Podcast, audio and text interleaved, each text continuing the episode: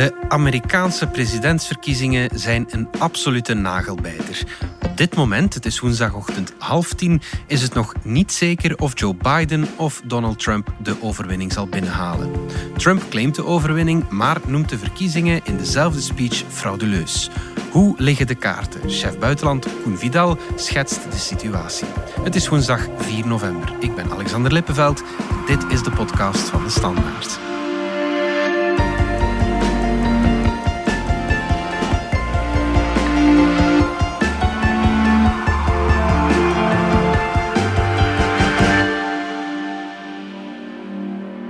Koen, we hebben president Trump zien speechen.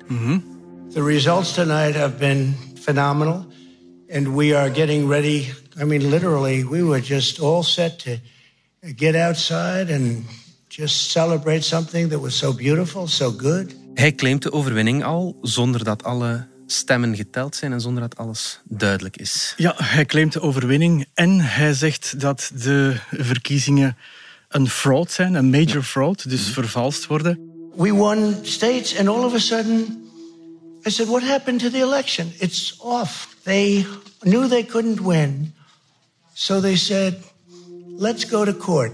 And did I predict this, Newt? Did I say this? I've been saying this from the day I heard they were going to send out tens of millions of ballots.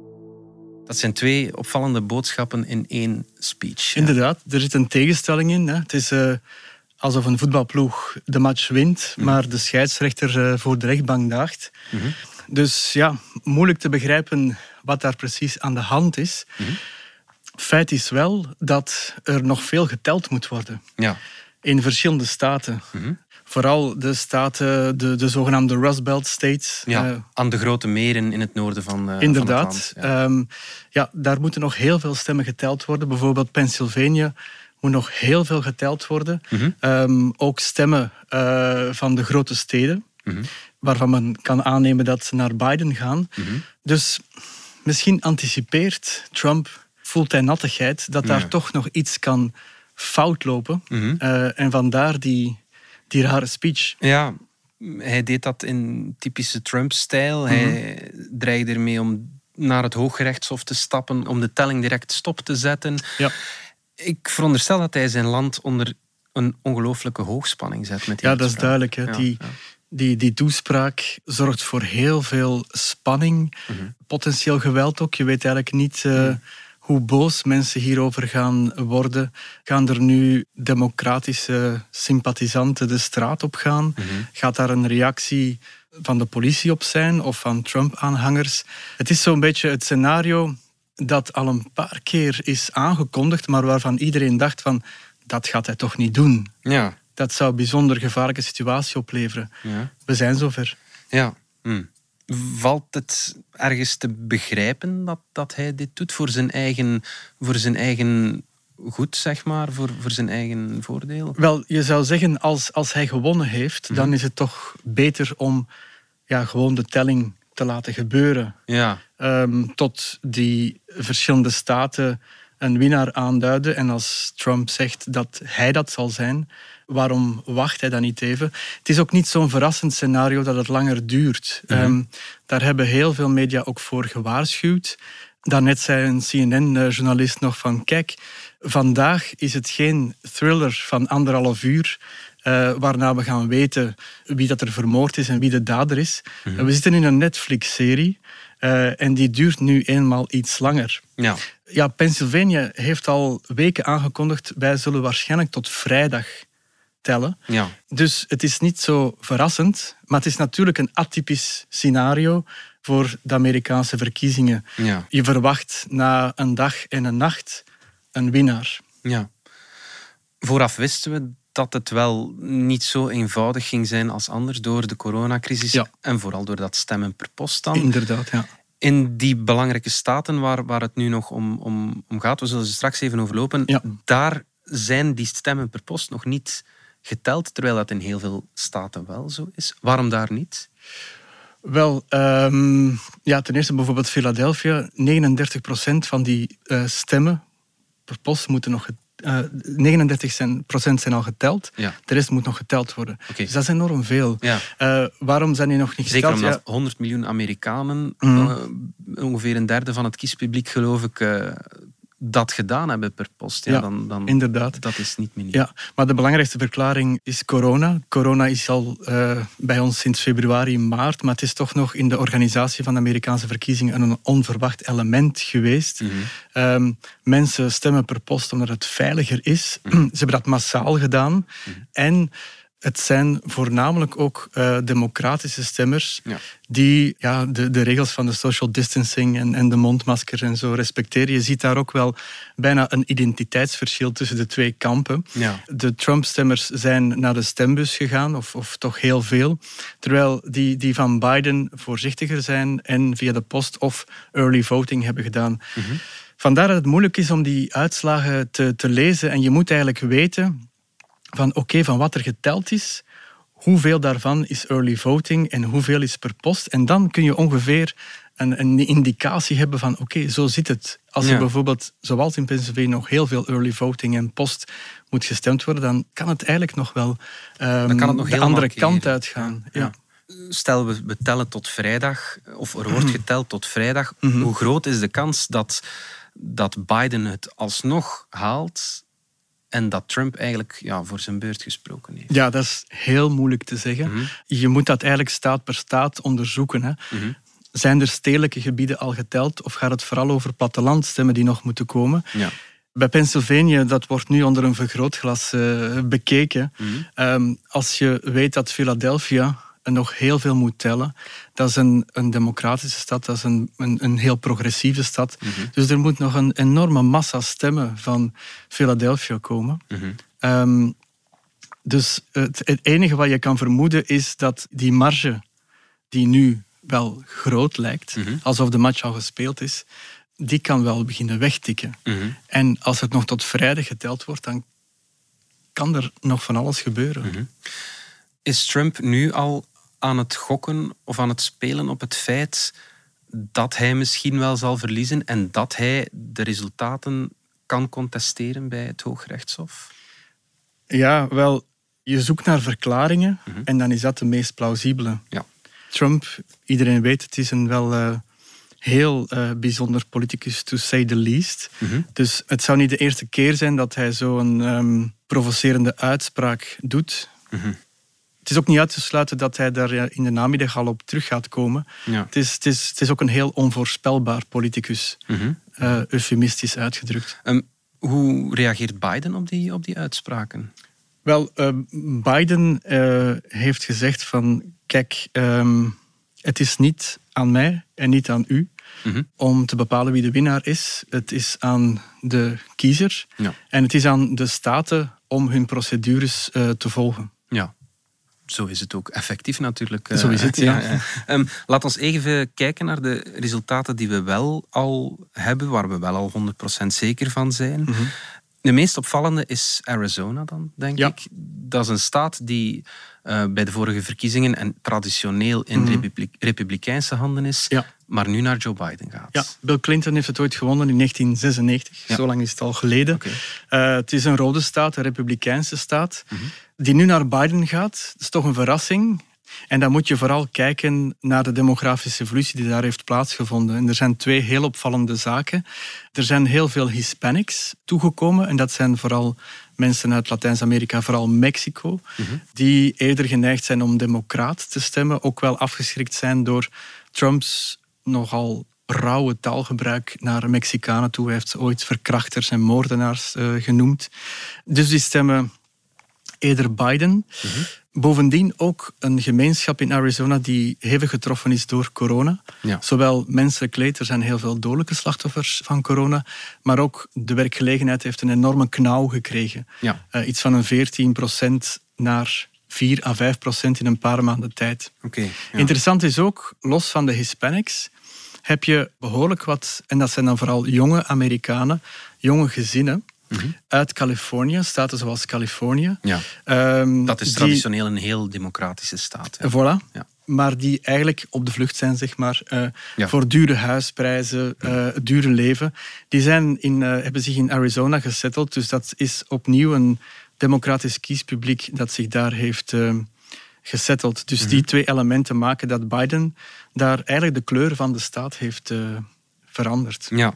Um, een andere belangrijke staat is Florida. Daar zijn heel veel kiesmannen te winnen. En mhm. traditioneel, of laten we zeggen in 95% van de gevallen, ja. de winnaar in Florida is de winnaar van de presidentsverkiezingen. Mhm. Dat is nu Donald Trump. Ja.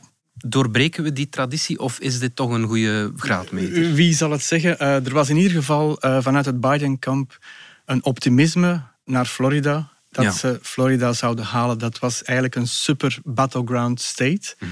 En het werd gezien als de binnenweg naar de overwinning. Ja. Ook omdat die resultaten uh, vroeg zijn binnengelopen. Dus men dacht, als Florida binnenkomt en we halen dat... Ja, dat sta je er goed voor. Er was al bijna een feeststemming uh, in het Biden-kamp. En je kon ook wel heel hard merken, onze correspondenten in Washington en Pennsylvania hebben dat ook gemerkt. Vanaf het moment dat Florida duidelijk Trump bleef, bleef was er een, een grote teleurstelling onder democratische sympathisanten. De feeststemming is weg. De feeststemming, dat was alsof daar een regenbui op kwam, dat was weg. Dus mm. dat optimisme over die binnenweg uh, was heel snel weg. Ja. Is het optimisme over de algemene overwinning ook weg? Wel, de, de peilingen zijn natuurlijk, ja, de, daar, uh, daar gaan we heel kritisch naar moeten kijken. Opnieuw. Ja, er werden marges van 10%. Oké, dat gaat over de popular vote. Maar zelfs uitgesplitst per staten, mhm. dan, dan, dan ja, kon je zeggen van ja, op basis van deze peilingen moet Biden dat op zijn sokken winnen. Uh, de realiteit is helemaal anders. Dus ook uh, toch opnieuw een oproep om heel kritisch om te springen met peilingen. Ze hebben toch uh, een groot deel van Biden-camp en de aanhang op het verkeerde been uh, gezet. Ja, déjà vu van uh, vier jaar geleden natuurlijk. Ja, ook al was toen natuurlijk een totale verrassing dat Trump het, het, uh, het ging halen, mm -hmm. bijna out of the blue. Wat je nu wel als verrassingselement hebt, um, ja, Trump. Als Europeaan zou je zeggen, na vier jaar Trump, bijzonder vreemde uitspraken, raar beleid, ook raar bochtenwerk rond heel belangrijke thema's. Je zou zeggen, de kiezer gaat hem afstraffen. Maar dat is als Europeaan gedacht. Het is duidelijk dat een heel groot deel van de Amerikanen Trump wel ziet zitten, om heel veel redenen. En waar zit zijn aantrekkingskracht dan, dan vooral? Is dat op het economische vlak? Dat wordt meestal aangehaald. Mhm. Biden uh, wordt weggezet als een socialist. En een socialist die zullen we nooit aan de macht laten. Ja, ik denk dat, dat je dat op twee manieren kunt analyseren. Ten eerste rationeel, en dan zit je op die economische piste. Voor mhm. corona kon hij vrij goede cijfers voorleggen. Mhm. Corona heeft dat er niet gedaan. En uh, hij heeft corona ook niet goed beheerd. Mhm. Ehm, ook dat is een eufemisme. Maar er zit ook iets um, identitair in. En dan zitten we misschien meer op het irrationele.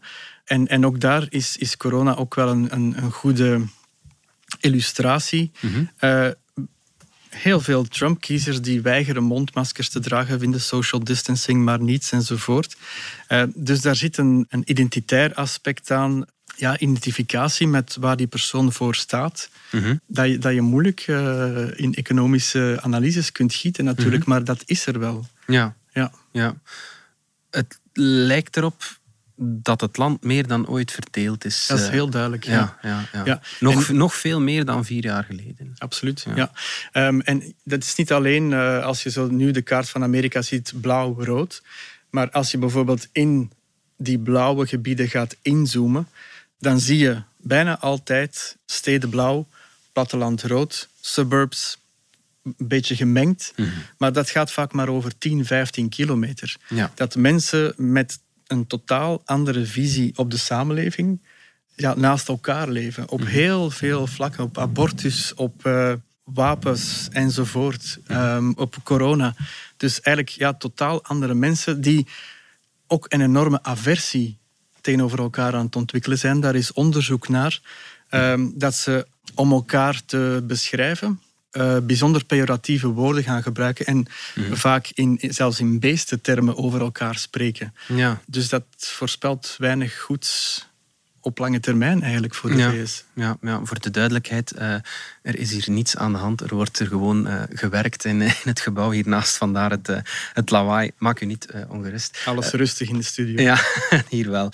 Um, ja, er zijn heel diepe wonden in de VS. Wie er dan ook de president wordt, hoe moeilijk is het om die wonden te helen? Ja, dat, dat is een werk van lange termijn. Dat, dat kan niet anders. En misschien wel van generaties. Ja. Dat het pas goed komt na, na, na één of twee generaties. Zo, zo, zo diep geworteld is het. Ja, en dan hangt het er maar vanaf uh, aan wiens kant je staat. Uh, de democraten zeggen van ja, we hebben nu net een kandidaat gekozen uh, die misschien niet de meest sexy, niet de meest dynamisch is, maar die wel een figuur is een nice guy mhm. met veel empathie voor iedereen. Mm dat was een beetje het, het, handelsmerk dat de Democraten naar voren hebben geschoven. De heler van de samenleving. Mhm. Het is duidelijk dat veel Trump-kiezers uh, niet onder de indruk waren. Mhm. Ehm, de opkomst die was bijzonder hoog. ik zei het al, 100 miljoen Amerikanen stemden al vooraf. Ja.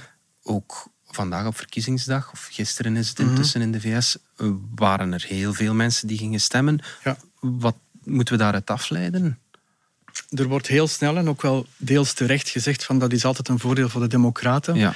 Omdat dat erop wijst dat zij bijvoorbeeld veel Afro-Americans naar de stembus hebben gekregen en veel jongeren. En dat zijn gemeenschappen en groepen die vaak voor de democraten stemmen. Maar het, het lijkt me duidelijk dat ook Trump er wel in geslaagd is om zijn kamp te mobiliseren. Mhm. Ongetwijfeld zijn er ook veel Trump-kiezers die misschien twijfelden of niet wilden komen naar de stembus. Uh, zijn die toch gekomen? Uh, precies, en dat heeft ook wel met die polarisering te maken, precies omdat ze niet wilden dat het andere kamp uh, ging winnen. Mm -hmm. um, het ziet er naar uit dat, dat is een vraag van Pieter Jan die binnenkomt. Um, Trump zal de overwinning op een of andere manier proberen claimen, of hij nu effectief vindt of niet. En daar mogelijk mee naar het Hoge Rechtshof stappen. Daar heeft hij net uh, Amy Coney Barrett mhm. benoemd, een zeer conservatieve ja. medestander. Mhm. Dat overwicht in het Hoge Rechtshof gaat ook naar de Republikeinen.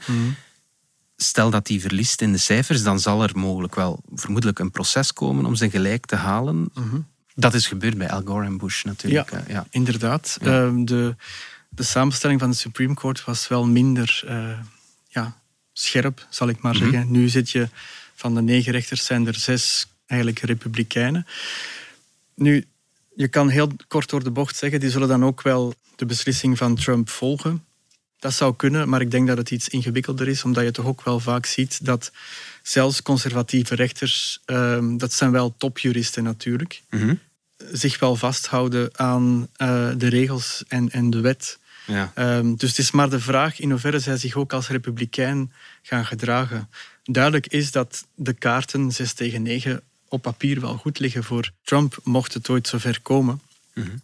Maar of die nu een beetje op afstandsbediening uh, bediend kunnen worden door Trump, dat is nog een andere vraag. Het is niet dat ze een, een, partijkaart hebben natuurlijk. Dat, dat zou vrij onverantwoord zijn, denk ik dan. ik weet niet of ze een partijkaart op zak hebben. Het is duidelijk dat ze wel geselecteerd zijn omwille van een bepaald type jurist, een conservatieve jurist, uh, eerder in de trant van republikeins ideeëngoed, dat wel. Mhm. Uh, maar het zijn ook wel topjuristen die wel een wettelijke basis moeten hebben om hun beslissingen te nemen. Mm -hmm. um, Max die vraagt of uh, sociale media opnieuw een rol spelen in deze verkiezingen. Vorige keer was er heel wat te doen om Russische inmenging. Mhm. Nu doen heel veel samenzweringstheorieën de ronde. Heeft dat een invloed? Wel, um, ja, die Russische inmenging, uh, daar is um, niet, momenteel niet, niet een absoluut zicht op te krijgen. Mm uh, de voorbodes waren wel, het, is, het gaat veel minder zijn dan bij de vorige verkiezingen. Mhm. En het is ook wel zo dat early voting en stemmen per post eigenlijk minder fraudegevoelig is. Uh, stemmen per post is minder fraudegevoelig, wat Trump daar ook over mag zeggen. Mhm. Ja, de conspiracy-theorieën, dat is niet nieuw. Die zullen blijven komen. Eigenlijk is, is wat er nu gezegd wordt, het kiesproces was een major fraud, is al eigenlijk een beetje conspiracy-theorie. Ja. En sociale media spelen uiteraard een rol. Um, Maar ik denk deze keer ook wel in de twee richtingen. Als je, uh, dus, dus voor zijn toespraak heeft Trump ook een tweet de wereld ingestuurd van uh, ik heb big gewonnen. Ik ben de grote overwinnaar, maar ze proberen de overwinning te stelen. Twitter heeft onmiddellijk een waarschuwing geplakt op die tweet. Je kan die ook niet retweeten. Mhm. Je kan er wel op klikken en hem lezen. Dat hadden zij vooraf ook zo aangekondigd. Dus er zit ook wel een correctie op die sociale media. Ja, ja dat is anders dan, uh, dan vier jaar geleden. We weten het nu nog niet. Wanneer gaan we het wel weten? Wie er wint? Um, ja, dat is één vraag, maar eigenlijk zijn het twee vragen nu mhm. sinds de speech van, van Trump. Het rustige antwoord is: er wordt geteld. Er gaat waarschijnlijk vandaag, morgen en vrijdag uitgeteld worden, mhm. letterlijk. En dan weet je het. Dan gaan de verschillende staten een winnaar uitroepen volgens de procedure. Dus je hoort uh, Pennsylvania, Michigan zeggen wij gaan tot vrijdag tellen. Mhm. Die toespraak van Trump is er nu wel tussen gekomen. Mm En de geest is nu ook wel uit de fles. Er gaat nu toch wel van alles kunnen gebeuren. Mensen gaan, gaan, gaan boos, gefrustreerd worden, gaan op elkaar beginnen te reageren. Dus dat is wel een, een, een een enorme factor van onzekerheid geworden. Ja, dat lijkt alsof je in een bepaalde vicieuze cirkel terechtkomt waar het heel moeilijk uit te geraken is als, als iedereen alles gaat beginnen contesteren natuurlijk. Ja. Nu, het, het, zou, het zou wel bijzonder raar zijn als die stemmen Michigan, Wisconsin, Philadelphia niet mogen uitgeteld worden, want mhm. dat zijn geen stemmen die na de deadline binnenlopen. Mhm. Dat zijn stemmen die netjes op verkiezingsdag zijn binnengelopen. Het zou natuurlijk wel vreemd zijn en het zal ook heel veel mensen boos maken mochten die stemmen niet meegeteld worden. Ja. Ik denk dat je dan echt een, een recept hebt voor enorme frustratie. Ja. ja. Ehm, de tweede helft van januari, geloof ik, eh, moet de, de nieuwe president de eet afleggen we gaan het dan hopelijk toch tegen dan weten. Of is dat ook een scenario dat... Want ik geloof dat dan Nancy Pelosi uh, even president uh, Ja, dat zou dan weer een nachtmerriescenario voor de Republikeinen zijn. Nu, er is een, een, een groep uh, die samengesteld is niet door de twee partijen, maar met experten van beide partijen die verschillende scenario's heeft uitgewerkt. Mm -hmm. En het worst case scenario is dat Trump door de veiligheidsdiensten uit het Witte Huis wordt gedragen. Nu, ik denk niet dat het zover zal komen. Ik hoop het ook niet voor Amerika, maar ook voor de rest van de wereld. Het zou spectaculaire beelden kunnen opleveren, maar dat is voor een democratie zeer schadelijk. Ja, laten we het maar voor de uh, fictie reserveren. Nee, het is hopen dat het niet zo ver komt, uiteraard, want dat gaat gepaard met, met heel veel geweld. Mhm. En heel veel menselijk leed. Um, en dat zal ook niet goed zijn voor de rest van de wereld. Nee, absoluut niet. Dan uh, is de stabiliteit in gevaar. Goed, Koen Vidal, dank je wel voor je deskundige uitleg. Dit was de podcast van de Standaard. Bedankt voor het luisteren. Blijf al het nieuws rond de Amerikaanse verkiezingen volgen op standaard.be. Morgen zijn we opnieuw.